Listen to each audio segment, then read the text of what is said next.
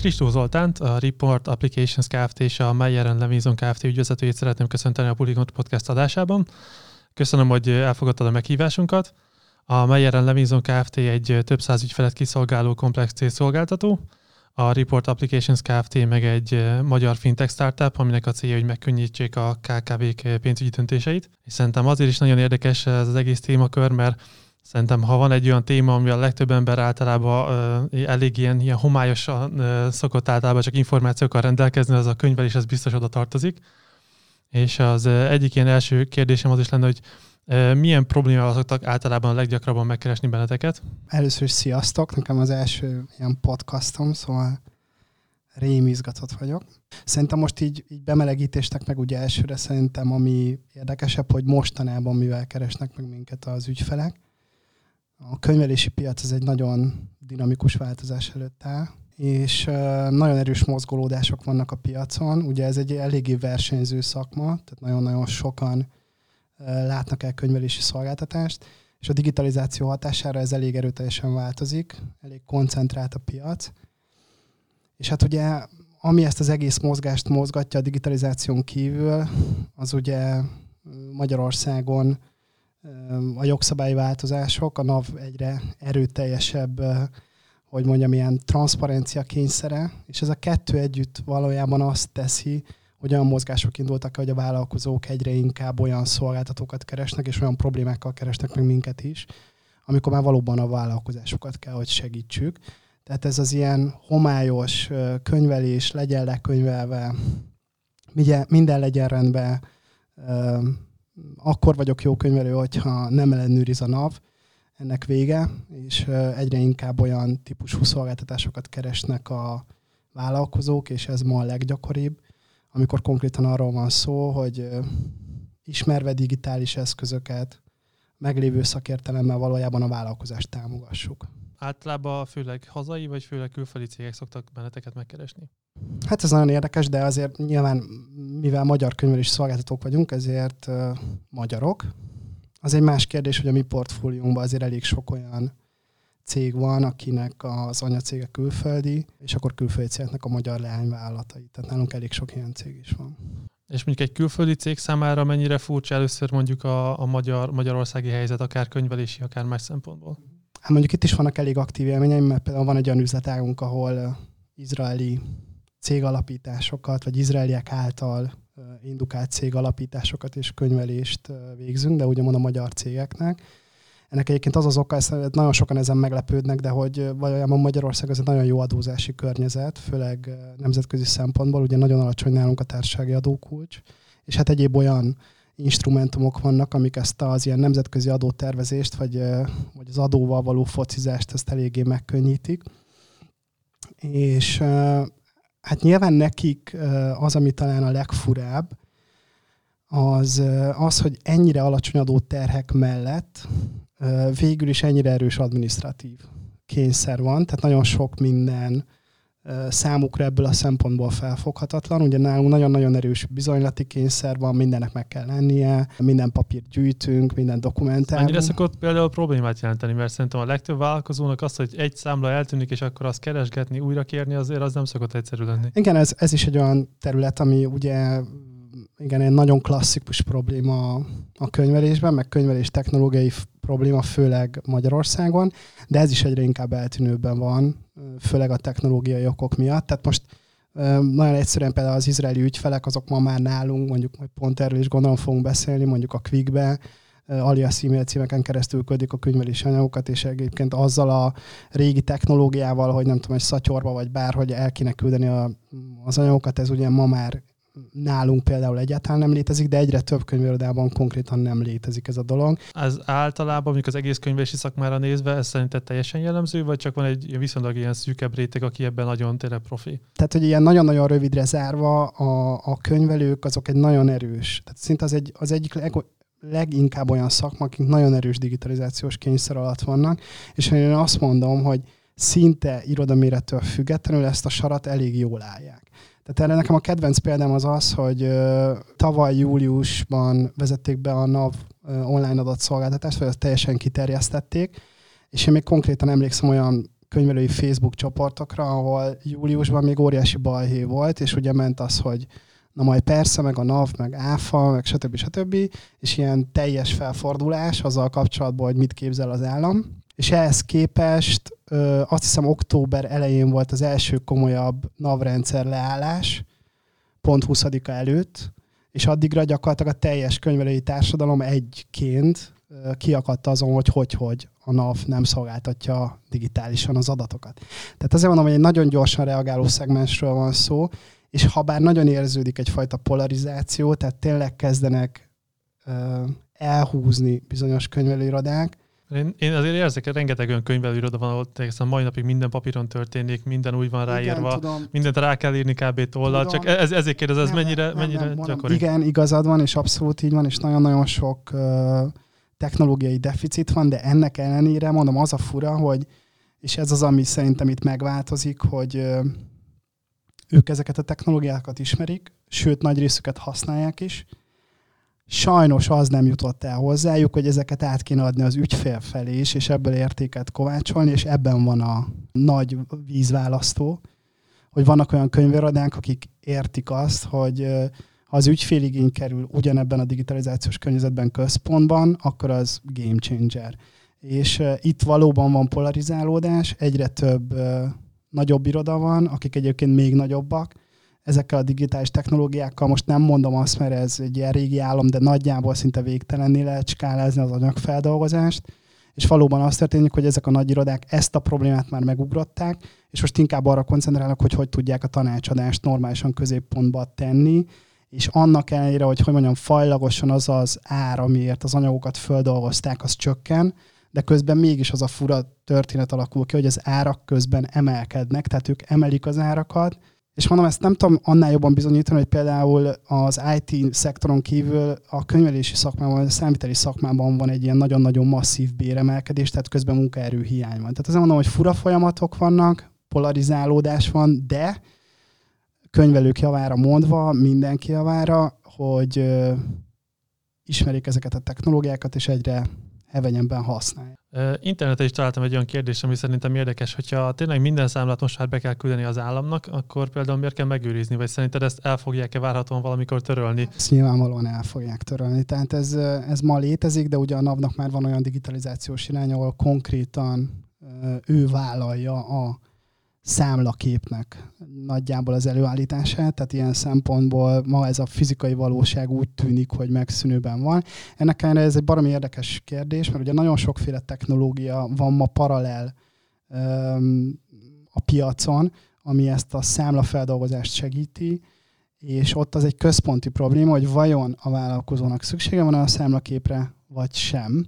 És ugye azért azt láthatok hogy most erre egyszerű azt mondani, hogy igen, meg nem, meg mindenféle dolgot lehet. Mi egyébként csináltunk ezzel kapcsolatos kutatást, és nagyon érdekes eredmények voltak, de azért ugye azt látni kell, hogy ez nem egy homogén környezet, tehát rengeteg olyan vállalkozó van, aki mondom, nem tudom milyen mondjuk pályázati okokból mondjuk egész egyszerűen a mai napig 170 oldalas PDF-eket merge azért, mert hogy le kell adni valami pályázati elszámoláshoz, ahol egyébként szükség van ilyen szempontból a számlaképekre. Tehát azért mondom, hogy ez egy összetett kérdés. Azok, akik ebben nálam okosabbak is ebben gondolkodnak, ők általában azt mondják, hogy nagy valószínűséggel a számlakép el fog tűnni.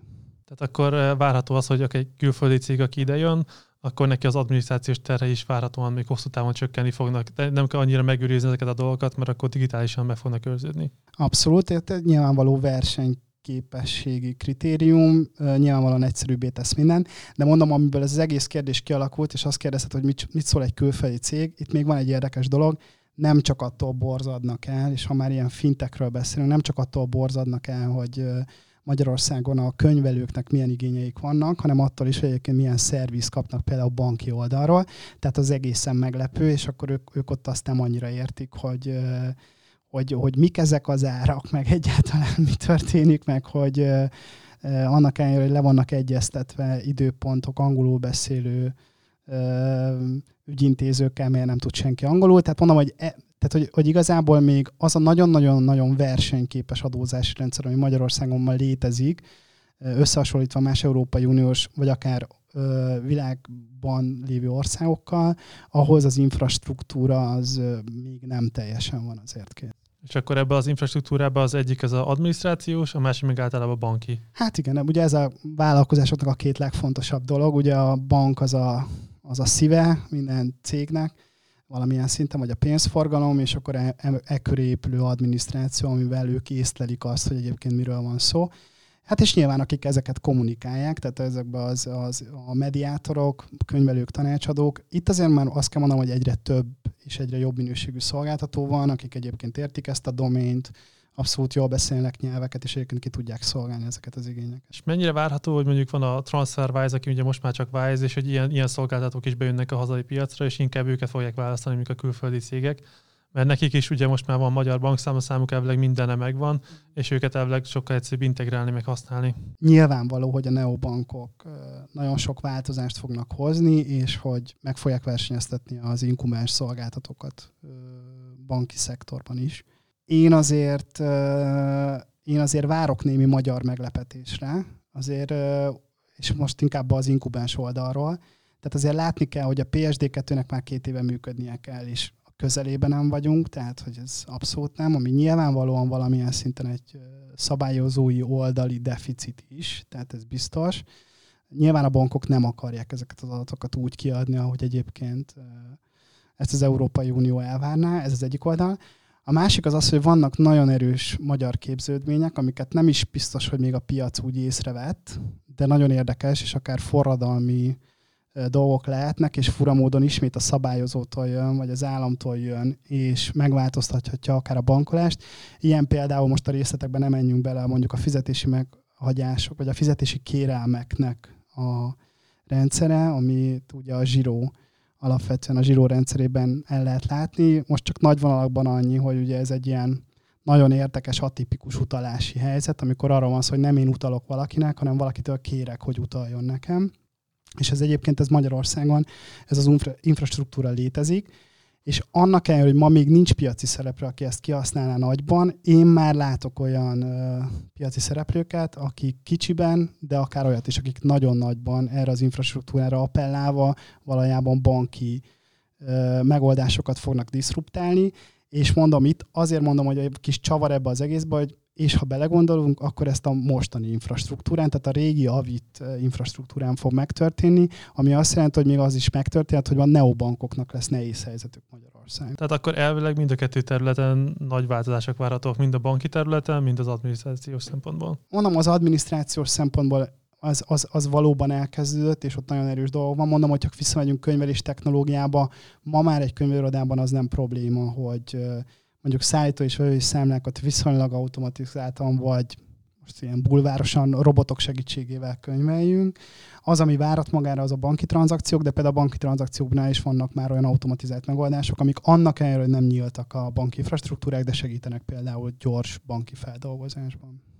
És mik a tapasztalatok arról, hogy mondjuk egy hazai cég akar külföldre menni, hogy ott azok általában mit szokott, mit szokott előjönni? Mi egy olyan szolgáltató vagyunk, akik Magyarországra koncentrálunk, ezért akkor, amikor az ügyfeleink külföldre mennének, akkor általában elengedjük a kezüket, mármint úgy elengedjük a kezüket, hogy megkeressük az ottani partnereket, stb. stb., de nem nagyon rátunk rá. Egyéb okokból azért eléggé jól ismerem azt a piacot, amikor külföldi cégalapításról van szó, és azért mondom, az eléggé általános, hogy maga a cégalapítás körülményei, maga az adminisztráció azért egy sokkal barátibb és jó, jóval támogató, főleg tőlünk nyugatra ebből a szempontból. Hát és ugye mondom, hogyha egészen Amerikáig megyünk, akkor látni kell, hogy, hogy mondom, nyilván kulturális okokból teljesen másról van szó, tehát maga az, hogy nem tudom, egy mérleget vagy egy eredménykimutatást közzé teszek, ugye ez konkrétan nem létezik, csak a tőzsdére bevezetett cégeknél, tehát azért mondom, hogy teljesen más a, ilyen szempontból megközelítés. A szabályozás az mondjuk ilyen EU szinten, meg magyar szinten, az mennyire van egy szintre hozva, vagy mennyire, mekkorák a különbségek közötte? Viszonylag egy szintre van hozva, tehát hogy, hogy nincs ezzel gond. Mi ezt egy kicsit túl játszuk, ezt az egész dolgot nyilván, de, de mondom, ott, ahol 27% az áfa, ott nem is lehet ezt fél komolyan venni. Tehát ugye a 27% áfára egyszer egy ismerősöm azt mondta, hogy ez már elég sok ahhoz, hogy érdemes legyen ellopni, tehát hogy ez az, az baromi sok és nyilván ez, ez megfelelő komolyságú adóigazgatást és adóadminisztrációt igényel, mert nyilván ez egy nagyon-nagyon masszív összeg, és azért abban a ö, magyar állam, illetve a NAV nagyon sikeres volt, hogy egyébként magát ezeket az áfa típusú adóbevételeket valóban ö, ott tartsa az államháztartásban. A NAV-nak ugye ezt akkor a digitalizációval sikerült elintézni, hogy akkor... Egyértelmű. És uh, szerinted a könyvelés digitalizációt idehaza mi az, ami lassítja, és mi az, ami még nem történik meg automatikusan, és uh, ebbe, e, ezzel, ezzel kapcsolatban mit, mit tudnál mondani? Hát most ez lehet, hogy nagyon arrogáns lesz, és ezért elnézés mindenkitől, de az, ami lassítja, az az, hogy nincs digitalizációs tudásunk. Tehát, hogy szerintem ez az, ami leginkább lassítja, hogy nincsenek meg ezek a, ezek a skillek, Mondom, még nagyon innovatív szereplők is nem úgy nyúlnak a digitalizációhoz, mint ahogy nyugaton nyúlunk. Nem tudunk a digitalizációval gondolkodni, vagy ez nagyon nehéz. És, és én azt gondolom, hogy ez, ez a teljesen egyértelmű hátrány. És itt most, most arra gondolok, hogy azért, most mondok egy tök érdekes dolgot, de hogy, vagy számomra érdekes, hogy tényleg itt vagyunk 2021-ben most már, a NAVA szétdigitalizálta magát, de például felhő alapú könyvelő program, tehát ami kifejezetten böngészővel élhető felhő alapú könyvelő program, az a piacon nem biztos, hogy van három. Ti ugye több megoldást is fejlesztettetek, hogy erről esetleg egy néhány szót tudnál mondani, hogy melyiket és, és milyen célra? Mivel a fő csapás irány annak idején az, az, az a tanácsadó cég volt, vagy a könyvelő cég volt, ezért mi is csak így belecsöppentünk ebbe a digitalizációba, mi hat vagy hét éve kezdtünk el termékeket fejleszteni. Az első az egy igazi, tényleg egy ilyen igazi, nem tudom, agilis könyvek botlátnál lévő bukás, ez ugye a Report nevű termékünk, ami gyakorlatilag azért jött létre, mert éppen azért, amit az elején kérdezte, hogy nagyon sok külföldi ügyfelünk volt, akinek voltak magyar leányvállalat, és ezt a fajta riportolási módszertant szerettük volna erőltetni.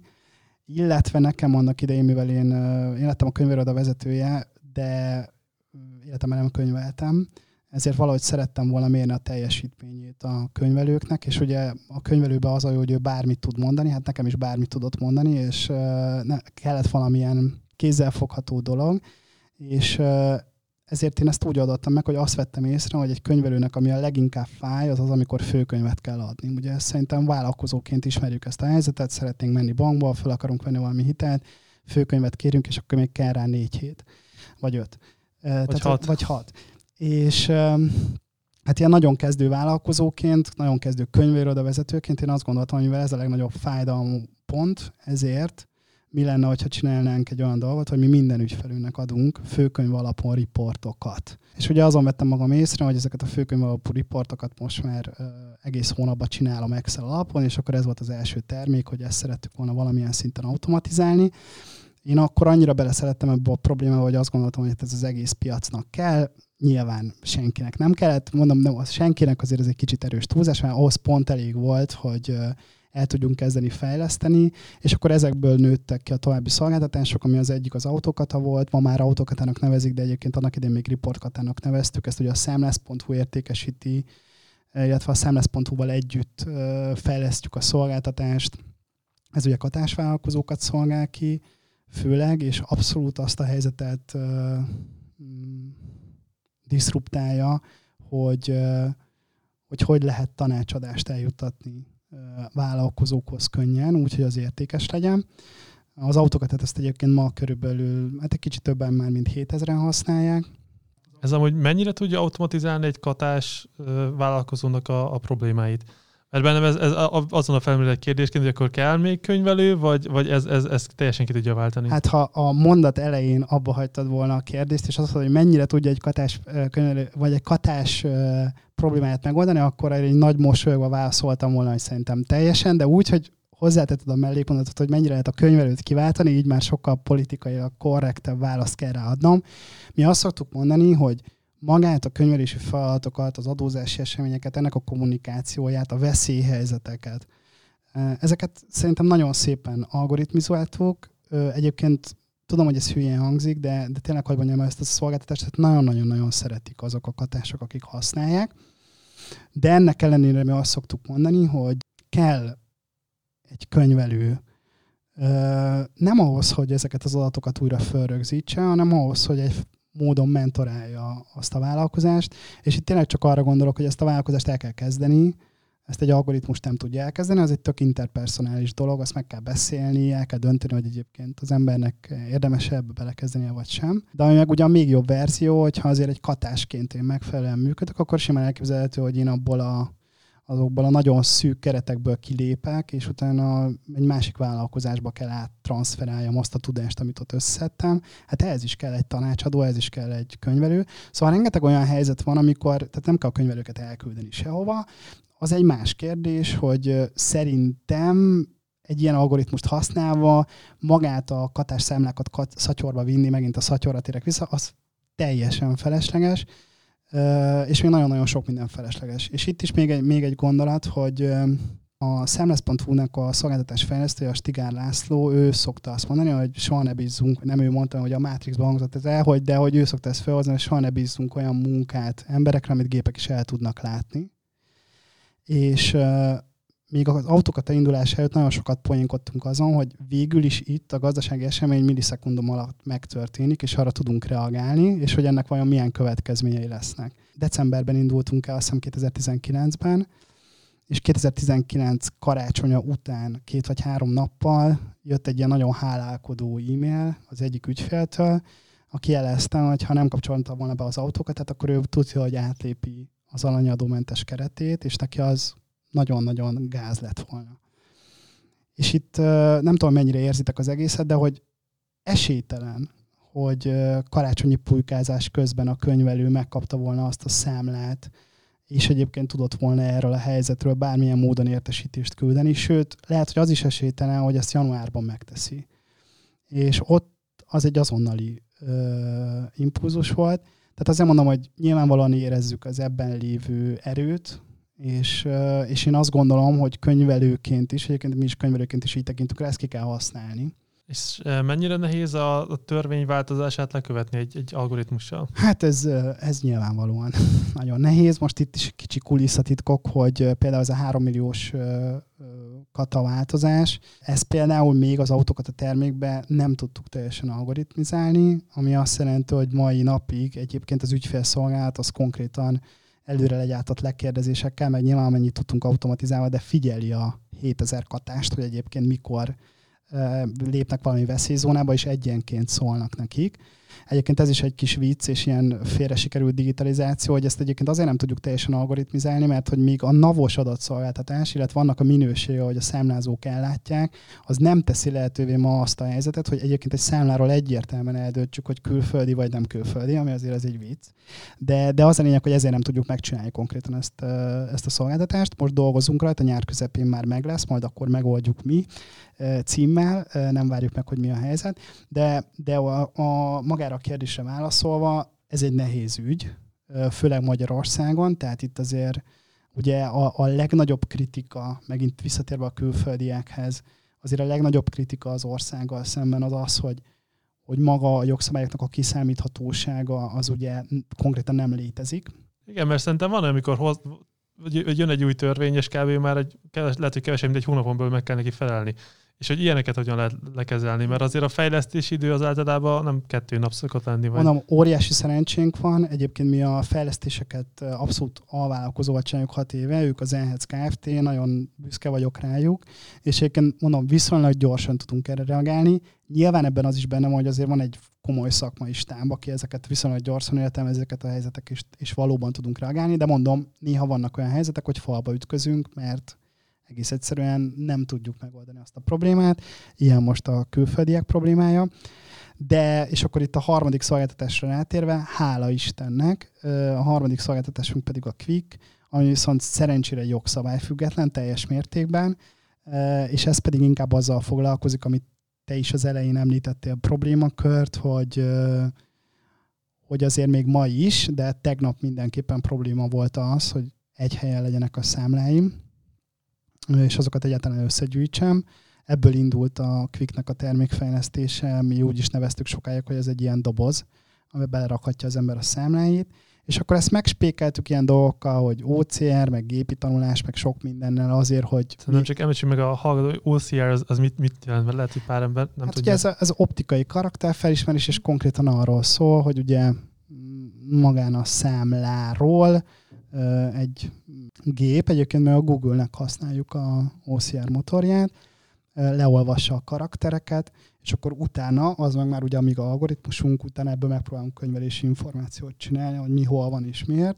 Tehát nagyjából ezzel segítettük a, az, hogy még inkább kedved legyen abba a dobozba berakni a számlákat, mert hogy akkor nem kellett adatrögzítést végezned. Tehát nagyjából, és egyébként mondom, ez is fura, hogy ezt viszont vállalkozóknak készítettük, tehát abszolút nem könyvelés diszrupciós eszköz volt ez, még véletlenül sem.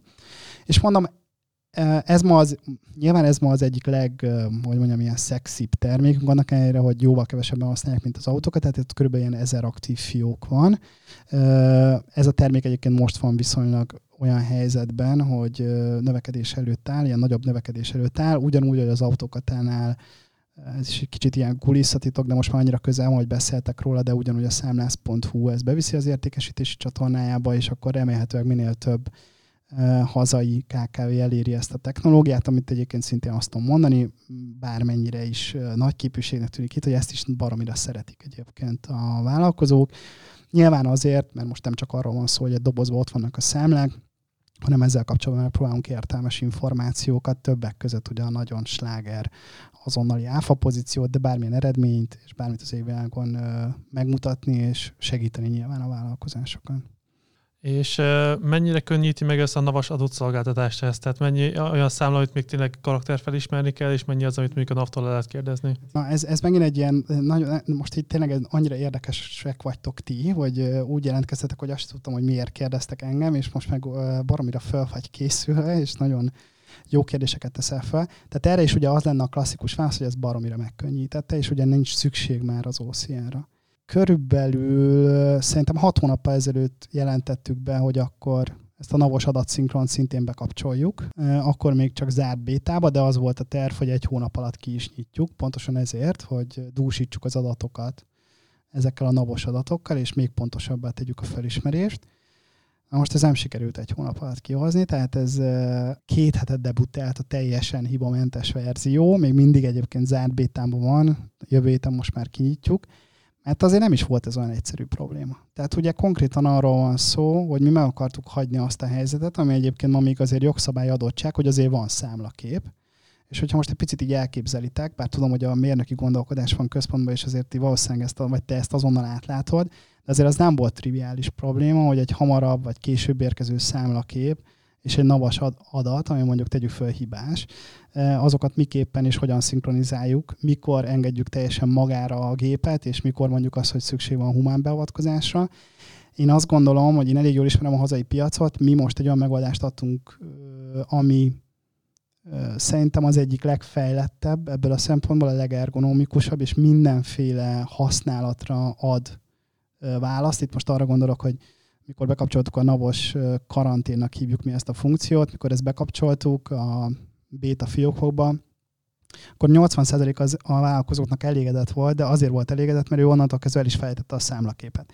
De, és, és egyébként tényleg nem foglalkozott velük, soha többet nem rakott számlaképet az ébe, a könyvelője se kapott, mert egyszerűen elfogadta a navos számlákat, és ennyi. Tehát nyilván ez egy eset, és nyilván ez egy olyan működés, ami elképzelhető, hogy a, vállalkozók 80%-a így működik. De ott van az a 20% aki abszolút nem így működik, és neki is kellett, hogy választ adjunk, és ezért volt ez nagyon sokáig bétába. Tehát azért mondom, hogy nagyon nehéz fejlesztés volt, elképesztő pontosságot ad, és azért itt még egy ilyen kis technológiai csavar, vagy, vagy egy kis érdekesség, ez nekem nagyon komoly veszőparipám, egy pár mondattal ezelőtt, vagy egy pár perc ezelőtt mondtam, hogy nem tudunk a digitalizációba gondolkozni. És itt most nem magunkat szeretném kiemelni, hanem azt, hogy egyébként mennyire nem tudunk, hogy mi egyébként nem csináltunk saját NAV interfészt, mert attól a szereplőtől vettük el az adatokat, akinek a legtöbb számlaadat van ma Magyarországon, az pedig a számlász.hu,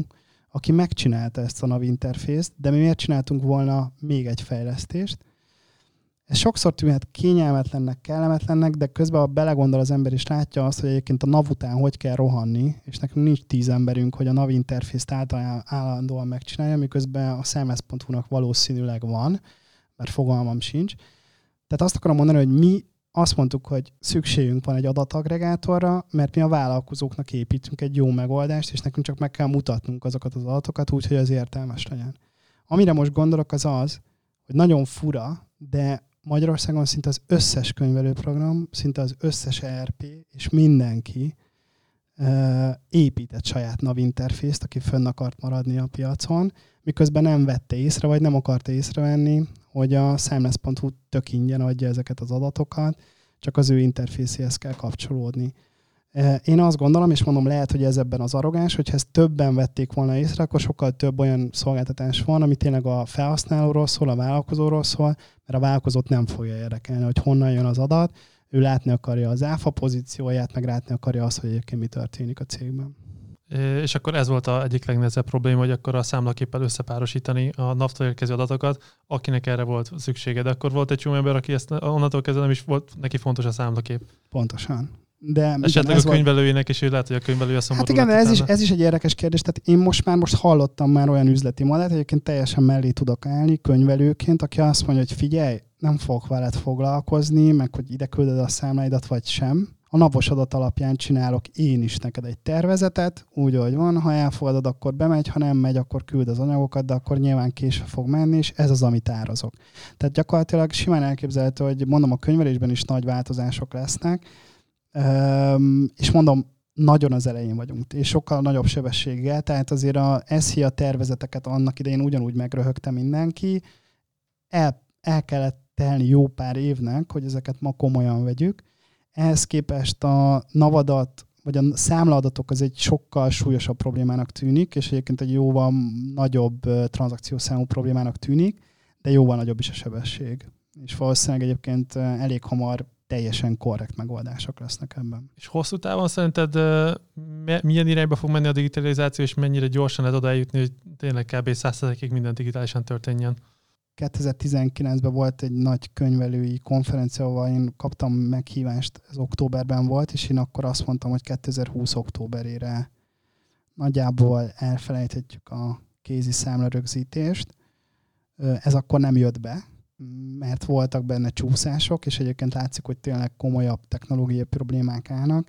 De én azt gondolom, hogy maga az, hogy tényleg egy könyvérodában számlaadatok rögzüljenek, sőt banki adatok rögzüljenek, ott, ott tényleg maximum két-három év van, tehát hogy nem létezik, hogy több van.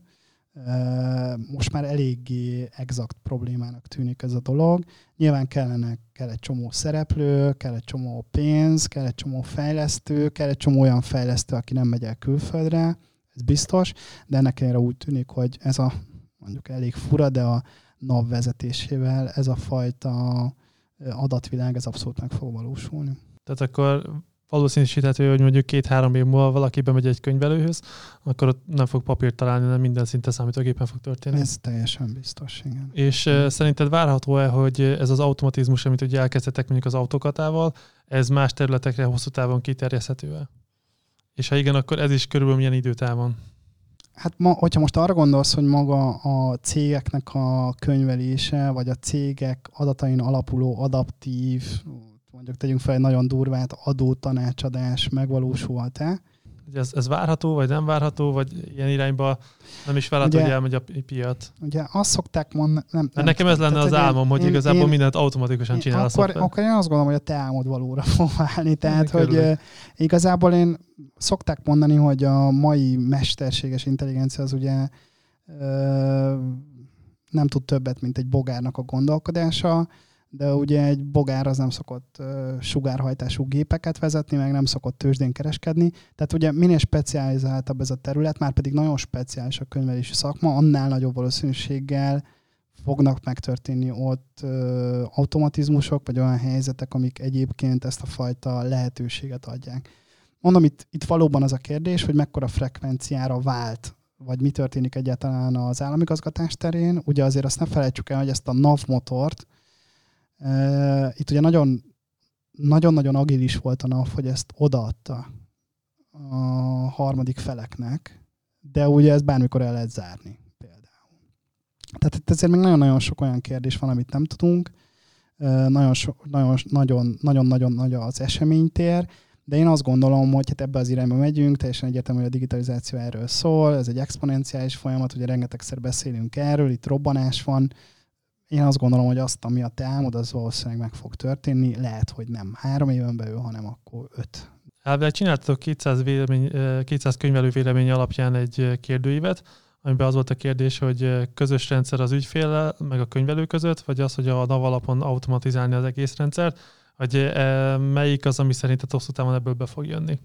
Mert én, ahogy, ahogy olvastuk, ebben megosztottak a vélemények. Valaki igen, igen, egyik nagyon, irányba. megosztottak a vélemények. Hát mondom, ez, ez megint egy olyan kérdés, hogy így megkérdezem, hogy szerinted, vagy nem, hogy tényleg egyébként érdekelne, hogy szerinted melyik fog bejönni.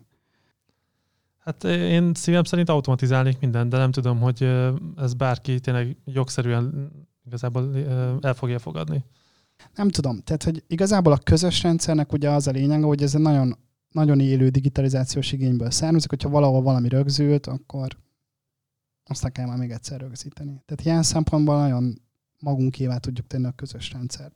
De ugye itt egy picit ki kell zoomolni ebből a helyzetből, mert nem arról van szó, hogy együtt valamit rögzítünk, hanem arról, hogy valójában valahol tök máshol rögzült. És ilyen szempontból nem biztos, hogy a közös rendszereknek lesz a jövője, hanem egyszerűen az olyan rendszereknek, amik ezt a fajta módszertant képesek követni, hogy bárhol megkeletkezhet egy adat, és az ott lehet nálam, nyilván, hogyha megfelelő jogosultságom van menne.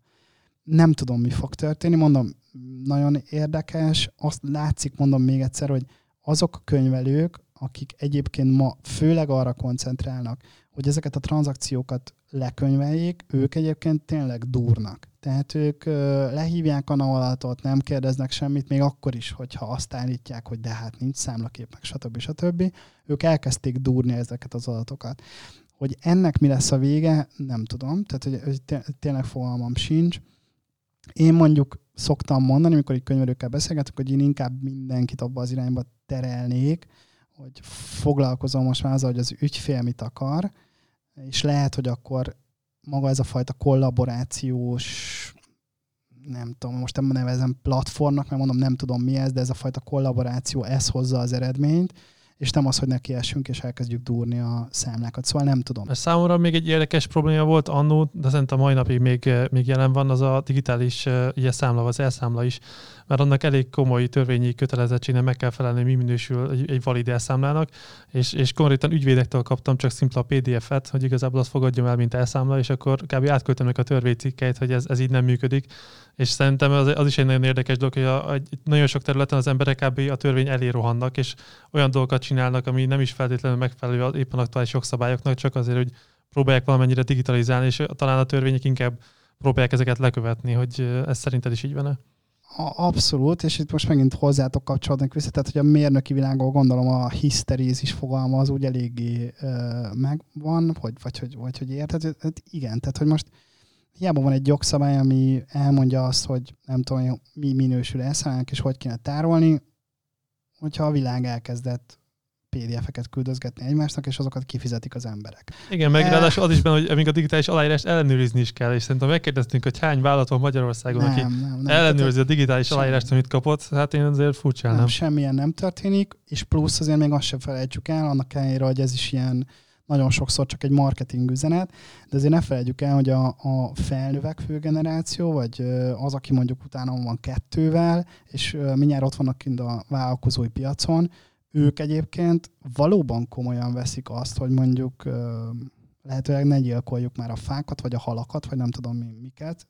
Ők ezeket tényleg komolyan veszik. Érhethető a robbanás. Tehát itt, itt a papírmentesség az alap, és az, hogy egyébként egy papírmentes környezetben kell olyan megoldást adni, ami egyébként ugyanúgy hatékony, az nyilván ezeknek a jogszabályoknak a végét jelenti. És pont így a koreroszlásra mi szokott általában lenni a, a, a, nem tudom, a feedback, hogy egy idősebb vagy egy fiatalabb korosztálynál, ez, ez mennyire szokott elkülönülni, hogy mi az, amit ők szívesen használnak? A legidősebb korosztály is képes arra, hogy egyébként akár a leginnovatív technológiát használja, mondom ebből a szempontból, és, én, és ezt minden vállalkozónak üzenem, hogy egyébként a könyvelők azok baromira egy alázatos szolgáltatók, és egy nagyon-nagyon kemény munkások ilyen szempontból. Nagyon sokat tesznek azért, hogy egyébként a vállalkozókat kiszolgálják. A vállalkozói rétegben ott azért jobban érződik az a fajta dolog, hogy, hogy ott azért van ezt, tehát azért nagyon befolyásolja a termékek használatát a, a kor vagy az, hogy milyen korcsoport kezdi el használni ezeket a Én dolgokat. Pont erre gondoltam, hogy szerintem egy, az idősebbeket valószínűleg több idő talán meggyőzni arra, hogy használják az ilyen automatizmusokat. A fiatalokban benne van az, hogy igen, kipróbálom, amilyen új dolog kijött azonnal, hogy megnézni, mennyire működik. Abszolút, tehát nyilván a fiatalok ezeket sokkal jobban kipróbálják, sőt, hát valamilyen szinten nekik ez elvárás is, hogy legyen. Tehát mondom, azért ebben nem állunk jól. Tehát ez az, amire mondtam, hogy azért Magyarországon ez a fajta digitális szolgáltatás fejlesztés azért nem egy ilyen csillagromboló, tehát hogy azért itt kell fejlődni, és azért nyilván egy ö, teljesen nyitott fiatal, főleg azok a vállalkozók, akik egyébként valamilyen kis szeretet kaptak külföldből, látják ezeket a digitális szolgáltatásokat, nem tudom, YouTube-ozik, TikTok, stb. Azért ott látja, hogy ott azért nagyon masszív, erős termékekről van szó, amik működnek, ha megnyomom, az történik, ha letöltöm, az történik, tehát hogy, hogy, hogy nincs kérdés Mm, ő nekik nyilvánvalóan komoly elvárásaik vannak. Szerinted ezt a, a koralapú ilyen gepet, ezt mennyire lehet mondjuk egy oktatással áthidalni, vagy mennyire fontos szerinted ebben, hogy egy megfelelő oktatással talán több emberhez eljutatni egy terméket? Hát én, én bocsánat, de itt is egy kicsit ilyen liberálisabb gondolkodás vagyok, tehát én, én túl sok ilyen oktatási, mint egyébként nem tudom, ilyen piac torzító hatást megszüntető dolgot én úgy nem nagyon terveznék. Egész egyszerűen tényleg látszik az, hogy azok, akik a digitális technológiákat használják, azok nagyon komoly versenyelőnyt szednek föl. Tehát egyszerűen sokkal gyorsabban tudnak lépdelni. Tehát egy, egy vállalkozás nem arról kell, hogy szóljon, hogy egy könyvelőnek hogy jutatom el az anyagot, vagy hogy egyébként a, számaim, amivel gazdálkodok, azok hogy állnak elő. Ez, ez ma már a 21. században valójában kicsit vicces, vagy az is lesz. Egy vállalkozást arról kell szólnia, hogy stratégiát alkotok, az ügyfelemet kiszolgálom, beszedem a pénzt, és, de már szinte arról sem. Tehát, hogy ugye, tehát mondom, minden ilyen típusú dolog kezd ilyen szempontból a háttérbe szorulni. Tehát én azért mondom, hogy én azt tudom mondani, hogy lehet oktatni, meg kell is. Egyébként nagyon tisztelem azokat, akik egyébként ezt a fajta oktatást saját magukra veszik. Ti is, hogyha mondjuk egy új terméket kiosztok, akkor próbáljátok arra azért valami oktatással Persze, segíteni az embereket? Vagy... Pe, nem, nem. Persze, tehát teljesen egyértelmű, és igen, tehát hogy ezeket oktatni kell, kell az edukáció, ez egy nagyon-nagyon fontos dolog, de nem game changer az edukáció. Tehát az ember egy jó terméket épít, ami, meg, ami, ami, ami megoldja valakinek a problémáját, vagy egy vállalkozónak segít, akkor azok a vállalkozók, akik hatékonyan akarnak dolgozni, akkor ezeket használni fogják. Ha van edukáció, ha nincs edukáció. Igazából ez a helyzet. Akkor szerinted az edukáció az ilyen, ilyen porcukortalan a torta tetején? Hogy jó, hogyha van, viszont nem annyira szükséges ahhoz, hogy az a termék az hosszú távon... Én, én inkább azt mondanám, én inkább azt mondanám, hogy az a terméket, amit nagyon edukálni kell, ott valami gond van a termékkel. Én inkább így fogalmaznám meg, vagy a szolgáltatással. Tehát én, én inkább ezt látom, hogy ahol nagyon-nagyon sok az edukációs tartom, ahol arról beszélünk, hogy edukálni kell, ott, ott van valami probléma. És mondom, nyilván nem általánosságban mondom ezt. Tehát most például itt ülünk, és az járt végig a fejembe, hogy nem tudom, hogy hány ember hallgat benneteket, és hogy kik, és hogy stb. stb. vagy hogy egyáltalán kiket hívtok meg. De nyilvánvalóan az, hogy, hogy ezekről beszélünk, nyilvánvalóan az, hogy, hogy erről írnak emberek, nyilvánvalóan az, hogy, hogy vannak ezek, ezek nagyon fontos dolgok, mert egyszerűen tudni kell, hogy léteznek ilyen dolgok. De az, hogy hogy tanítsuk meg valamit használni, én nekem az inkább a porcukor kategória. És akkor egy termékfejlesztésnél, akkor szerinted ez a user experience a legfontosabb, hogy az egész, és ezt mennyire, ha ti is mennyire szoktátok ezt mondjuk kutatni, vagy nézni, hogy ez, ez mennyire jól használható? Hát sajnos, és akkor itt jön a legnagyobb deficit, hogy ugye én mivel mondom, közgázon végeztem ráadásul régen, abszolút nem ezen a területen dolgoztam, de azért elég, még ma is azért elég sokszor, hogy mondom, dominálom a, a szolgáltatásfejlesztést, hogy nekem ebben nincs tudásom, legalábbis van, amilyet szeretnék, de szerencsére kerültek közelünkbe olyan emberek, akik ehhez értenek, és én igen, én azt állítom, hogy ez a legfontosabb, hogy megértsük azt, hogy mi az a feladat, amit egy felhasználó el akar végezni. És ez a lehető legextrémebb módon értendő. Tehát akkor, amikor valaki azt kéri, hogy nem tudom én, az a sárga gomb az legyen piros, és nyilvánvalóan nem fogod megcsinálni, akkor is meg kell érteni azt a helyzetet, hogy mi volt az a feladat, amit ő el akart végezni akkor, amikor pirosra akarta festeni azt a gombot. Ezt mi nagyon-nagyon extrémen csináljuk, tehát nagyon-nagyon szeretnénk, nagyon-nagyon erősen logoljuk a felhasználó igényeket, Nagyon-nagyon sokat fogunk ezekkel a kérdésekkel, mert szerintem ez a legfontosabb ahhoz, hogy egyébként sikeres szolgáltatást lehessen fejleszteni. Persze nagyon sok minden más kell ehhez, kell egy jó csapat, kellenek kell pénz, ugye az mindig kell. Tehát, hogy nagyon-nagyon sok minden kell, de én azt gondolom, hogy érdemes ilyen nagyon-nagyon-nagyon extrémen a középpontba állítani azt, hogy egyébként az ügyfélnek akkor abban a helyzetben pontosan mire van szüksége. Ugye az említetted még annak, hogy alig van néhány olyan könyvelő szoftver, ami felhő alapú, hogy szerinted miért ilyen nehéz ezeknek a szoftvereknek a, az átállása, vagy mások, igazából én, én csak néhány ilyen programot láttam, és hát így a kinézetre is katasztrofálisak voltak. Abszolút. Hogy, tehát, hogy elborzod az ember, mert csak ránéz, hogy uh, itt miért nincs, vagy miért nincs szerinted ebbe egy olyan fajta változás, amit ugye már az elejétől kezdve hiányoltál. Hát itt ugye mondom, az, az első dolog az valószínűleg egyfajta ilyen lustaság, ami ugye egy eléggé romboló lustaság lesz. Uh, pont most pár hét múlva remélem, hogy meg lesz az összes adat, de van egy olyan piacfigyelésünk, ahol nézzük a, tényleg ezeket a régi inkubens szolgáltatókat és a disruptív szolgáltatókat a könyvelési piacon, és most ez elég tágan értelmezett, tehát most megint egy példa, hogy például a Billingot és a számlászhu ilyen szempontból én a disruptív ö, környezetbe rakom, mert egész egyszerűen agregátorként ott vannak ezen, ebben, a, ebben a térben de hogy nézegettük őket, és, és ugye az látszik, hogy azért a, az inkubens szolgáltatók egy baromi nagy piacot fognak, tehát azért itt a, itt a nagy szolgáltatóknak masszív árbevételük van, masszív jövedelemtermelő képességük van, ami egyre inkább csökken, de ők ebben nem gondolták azt fontosnak, hogy egyébként egyfajta technológiai átállást megcsináljanak. Azért azt látni kell, hogy egy könyvelőprogram az baromi bonyolult, és azért a könyvelő programnak, és amikor láttad ezeket a csúnyaságokat, azért ott nagyon sok csúnya dolog van, és ezeket mind-mind átülteni, átültetni egy böngésző alapú környezetbe, azért az viszonylag sok pénz. Most nem kezdem el őket el sajnálni, mert nyilván ezt meg lehetett volna tenni, mert hogy tényleg sok pénzt termeltek, de ezt a fajta döntést nem hozták meg. És egész egyszerűen valószínűleg azért, mert egyébként jó szervizt, jó supportot és egyfajta kötődést éreznek a könyvelőik felé, nem igazán tudják elképzelni azt, hogy ezt a piacot ők elvesztik. Tehát valami ilyen lehet szerintem a háttérben, de egyébként nem tudom. És hát ehhez képest ö, alapvetően kevés olyan szolgáltató van, aki egyébként felvállalta volna azt, hogy könyvelőprogramot épít. És itt megint egy érdekesség, ugye pici piac vagyunk. Azért, hogyha belegondolunk, vagy belegondoltok, Magyarországon például számlázót, azt nagyjából így mindenki, nem tudom, de hogy két szereplőt tud így top of mind felsorolni, lehet, hogy hármat. Szerintem az, aki egy kicsit vala a digitalizáció, vagy a könyvelés, vagy szám, számlázás közelébe került, biztos eszébe jutott már, hogy egyébként kéne csinálni egy számlázót, mert mindegyik egy nem tudom én mi. Tehát, hogy biztos, hogy voltak ilyen dolgok. Ennek ellenére két számlázó maradt meg a piacon.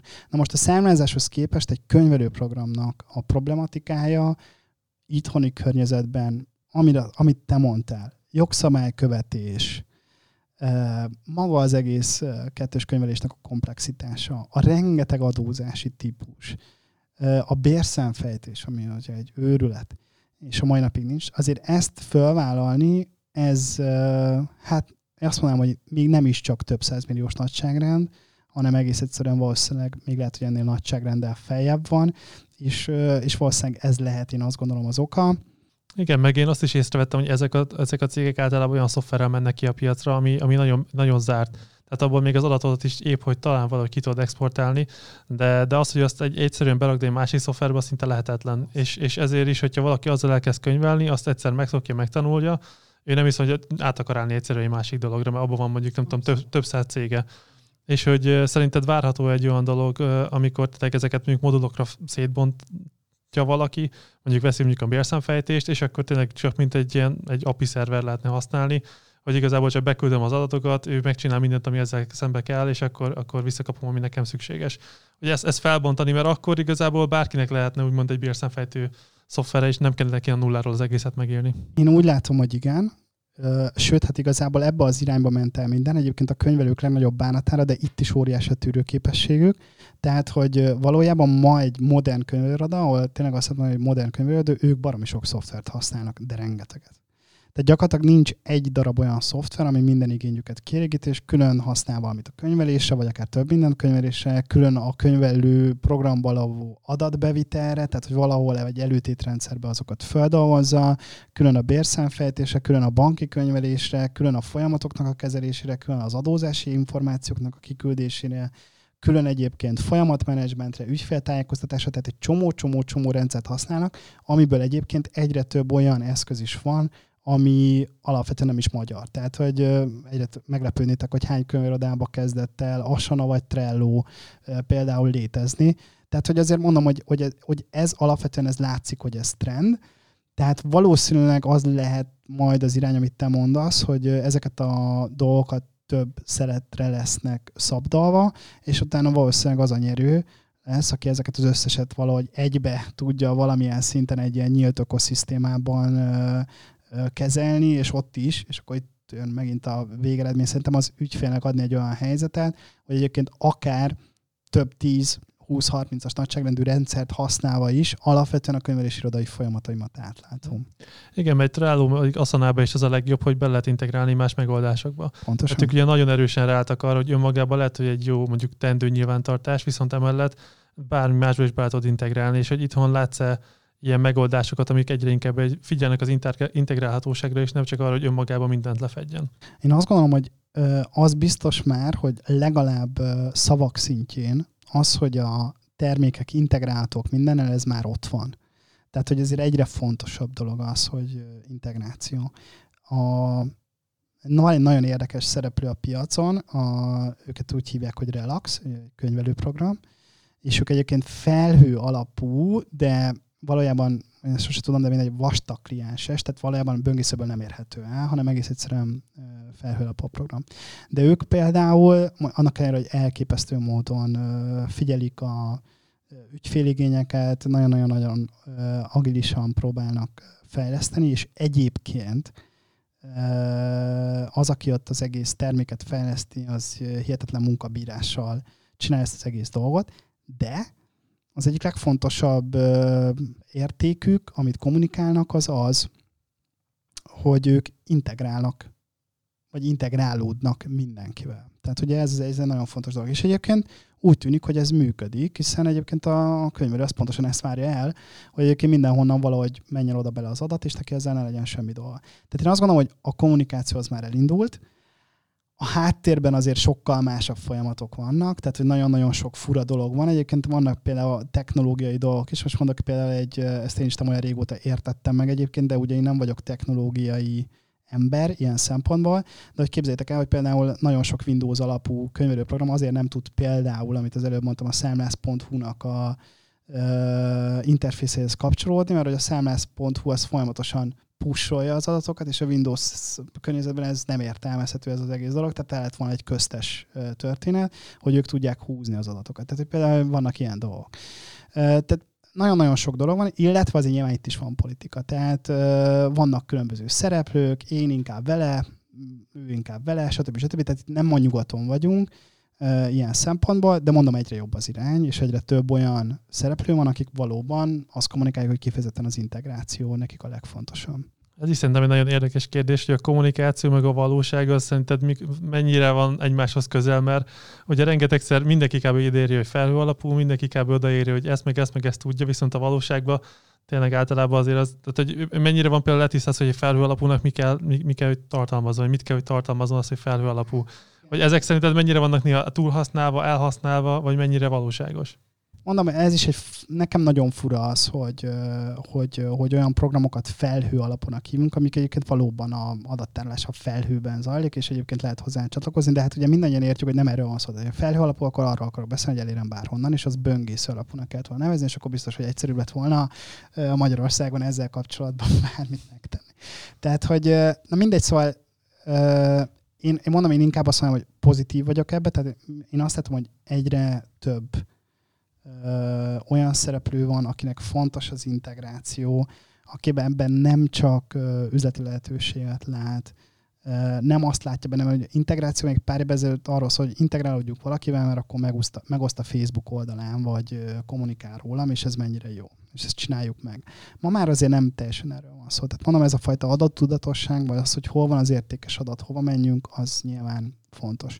Na mondjuk ebbe az egész térbe nem annyira jó, ahogy most megint visszatérve a bankokhoz, ahogy a bankok az egészhez hozzák. Tehát mondom, azért az nagyon durva helyzet, hogy mi PSD2-ről beszélünk már lassan, nem tudom, másfél éve, és akkor nincs. Tehát gyakorlatilag nincs, és mondom, például számviteli szereplők közül, vagy számviteli szoftvergyártók közül nagyon sokan sajnos, tehát nagyon sokan benne vannak olyan helyzetben, hogy egyébként külföldi szolgáltatókon keresztül próbálják van, amikor még screen scrape és, és elhitték az egész dolgot, hogy akkor onnan lehet adat. Tehát ez, ez, ez, azért ez borzalmas. A screen scrape azért az egy elég kemény dolog. Mert hát az, igen, abszolút. Meg az nagyon hiba lehetőség, hogy az azt akarja, hogy konkrétan egy, egy botot írunk arra, ami végigkattingatja a weboldalon azt, amit mi csinálnánk, és abból próbál információt nyerni. Amúgy azt jelenti, hogy ha bárki megváltoztatja a weboldalát, onnantól kezdve törik a bot, és lehet, hogy észre se fogja venni. Pontosan, és mondom, hogy nyilván vannak itt azért óriási szereplők, akik egyébként kifejezetten API szolgáltatók külföldön is, és értik azt, hogy egy screen scrapinget addig oda rakok, amíg izé. De akkor is arra van szó, hogy itt vagyunk Magyarországon, és nagyjából nincs ö, olyan infrastruktúra, amivel biztonságos, még akkor is, hogyha fize, fizetni kell érte, de egyébként minden banktól adatot kapunk. Egyébként itt kitérnék arra, hogy itt is ugye ö, megint ilyen szempontból a számlász.hu az egy érdekes szereplő ebbe az egész dologban, hogy számlázóként egyedül neki van PSD2 engedélye, ami azt jelenti, hogy azok a bankok, akik egyébként valóban tudják szolgáltatni az adatot, azok végül is a számlász.hu-ba ezek az adatok elérhetőek, és ugye megfelelő jogosultság mellett akár ebből könyvelési információ is válhat. De itt is például egy nagyon érdekes dolog, ezt hogyha nem igaz, vagy valaki ö, esetleg ö, majd jelentkezik, hogy ez, ez, ez nem igaz, de egy nagyon új jelenség, hogy egyébként nagyon úgy néz ki, hogy a hazai PSD2 az úgy működik, hogy egy bankot tudsz összekötni, de ha már kettőt összekötsz, akkor szétesik a rendszer. Tehát például akkor minek? Valójában azoknak a céloknak, akiknek több bankszámlájuk van, azok soha nem fogják tudni ezeket kihasználni, legalábbis addig, amíg mert hogy él a PSD2, a bank odaadta az interfészt, csak éppen akkor nem tudod használni, hogyha van egy eurós, meg egy forintos számlád is. Tehát, hogy ezzel mondom, hogy ezek még fura dolgok, ezekre nyilván várunk. Igen, mert nálunk is úgy voltam, hogy néhány évvel ezelőtt, hogy én konkrétan körbeírtam az összes banknak, hogy aki ad API hozzáférést a bankszámlámhoz, ahhoz automatikusan a teljes cégforgalmat, és egy bank amúgy adott, tehát hogy nekünk ezt sikerült elintézni, de de a legtöbb cégnél azt értették, hogy a legtöbb banknál azt értették, hogy mi a kérdés maga. Tehát, hogy igazából, de nekik van egy ilyen, meg ilyen alkalmazásuk, és én mondtam, hogy nekem nem alkalmazás kell, nekem egy API hozzáférés, és, és így ennyi. Hát mondom, azért ebbe is van javulás, meg állítólag azért most a hónap végén, vagy nem is tudom mikor, azért az Európai Nemzeti Bank is egy kicsit oda fog dörrenteni, ahogy én tudom, ez az egész helyzethez, de az a lényeg, hogy azért ez sem tesz jót nyilván a hazai ökoszisztémának, semmilyen szempontból sem az utolsó kérdéskör meg szerintem a Covid, hogy a Covid azért elég sok minden megváltoztatott, szerintem az egész hazai piacon, hogy ez, ez, ebből ti mit érzékeltetek, hogy a digitalizációt ez várhatóan remélhetőleg előmozította, és ez, ezt mennyire tette, és hogy ti mit vártok ettől, hogy ennek hozadékaként hosszú távon? Itt is azt tudom mondani egyébként most általában a könyvelői piacra, hogy a könyvelői piac nagyon gyorsan reagált. Még az első napokban, hetekben arról szólt, hogy szintén vissza a szatyorpénál, hogy hogy kell, hány napig kell kint tartani a szatyrot a fészerben, hogy, hogy Covid-mentes legyen. E, ezek nagyon gyorsan, ezek a témák eltűntek, és egyébként nagyon gyorsan reagáltak a könyvirodák arra, hogy valamilyen szinten elektronikusan kell az anyagokat érkeztetni. Tehát az elején egy... akkor konkrétan probléma volt, hogy hogyan jusson egyáltalán a számla Abszolút, tehát teljes mértékben. Sőt, nyilván még most is van, ahol ez probléma, de azért mondom, hogy ez, ezek azért viszonylag ezek a problémák csitultak el hamarabb. Azért azért nagyon nagy csata volt a, szerintem. Így mondom, nyilván nem láttam az egész országot, de azért a, az ügyfél és a könyvelők között, és itt mondom, megint visszatérnek arra, hogy ez egy, sajnos ez egy user experience probléma, tehát hogy hogy észleli a vállalkozó ezt a helyzetet, de baromi nagy csata volt a könyvelő és a vállalkozók között az, hogy egyébként oké, okay, oké, okay, értem, akkor én most digitalizált adatot szeretnék, de ahhoz valakinek be kell szkenelni, és az ki lesz. Tehát azért mondom, hogy itt azért ezek elég nagy csaták lehettek, de az biztos, hogy azok a szolgáltatók, akik ezen a területen működtek, azok nagyon nagyot nőttek. Tehát, hogy nyilván elkezdték az emberek keresni ezeket a megoldásokat.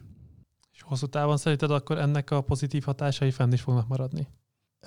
én, én nem gondolom, hogy a Covid-nak maradt fő. Mármint, hogy nem a, ne, ez nem egy Covid hatás. Tehát egész egyszerűen az van, hogy tényleg most már majdnem egy órája beszélgetünk arról, hogy itt egy nagyon-nagyon-nagyon erős ö, környezeti faktor a NAV, nagyon-nagyon erős környezeti faktor egyébként maga a digitalizáció, mint egyébként létező dolog.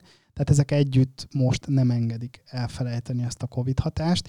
Én azt mondom, hogy egyébként, ha ezek nem lennének, akkor visszaállna minden a régibe. Tehát, hogyha ha, ha nem lennének azok a dolgok, ha nem lenne itt a NAV, ha, ha nem lenne az, hogy egyébként van egyfajta eleve lévő digitalizáció a világban, ami azért egyre gyorsabb, akkor csak a Covid hatására szerintem, ahogy vége a Covidnak, az emberek ugyanúgy beraknak a szatyorba a dolgokat. Tehát, hogy még egy éven keresztül küldte e-mail, és utána vissza. Abszolút. abszolút. Én, én, én, én, mondom, én, én szerintem ebben nagyon-nagyon rövid a memóriánk eleve, és, és, én, és én, én ezt látom, hogy, hogy, hogy ez megtörténne. De mondom, ez is egy tök érdekes dolog, hogy hogy, hogy, hogy erre is, az a fura ezeket, hogy erre is lehet szolgáltatást építeni. Tehát tényleg lesznek olyan vállalkozók, akik mai napig azt gondolják, hogy ez nem az ő adatvagyona. Tehát az, hogy egyébként van egy szatyor számla, amivel valaki valamit csinál, és abban utána valamit, valamit ö, kiköp, és valamit kell az adóhatóságnak adni, az nem az ő adatvagyona. Nagyon sokan vannak, akik így gondolkoznak, még mindig, szerintem egyre kevesebben. Mennyire félnek például ettől, mert ezt, ezt például sokszor hallottam, hogy az adatuk például már nem az ő kezükben van, vagy nem egy papíron van, és hogy úgymond egy más, más helyen van eltárolva. Na azt gondolom, hogy az, aki eddig így adta át az adatát, az eddig se féltette, vagy egyszerűen nem fogta fel, hogy az mennyire értékes, tehát ők nem féltik. Vannak olyanok, akik egyébként nagyon tudatos vállalkozók, és egyébként ettől a helyzettől nyilvánvalóan félnek, és hozzáteszem egyébként akár nem is alaptalanul. Tehát azért azt ne felejtsük, ez a navos adatok nem csak arra vannak, arról van szó, hogy számlaszám, meg vevőneve, meg bruttó összeg. Itt tőéles tételadatok vannak volumennel, árakkal, stb. stb. Az, hogy erre miért volt szükség, én például nem tudom, de azért mondom, hogy ez egy nagyon érdekes kérdés, hogy valójában a NAV-nál áradatok is vannak mindenről ilyen szempontból.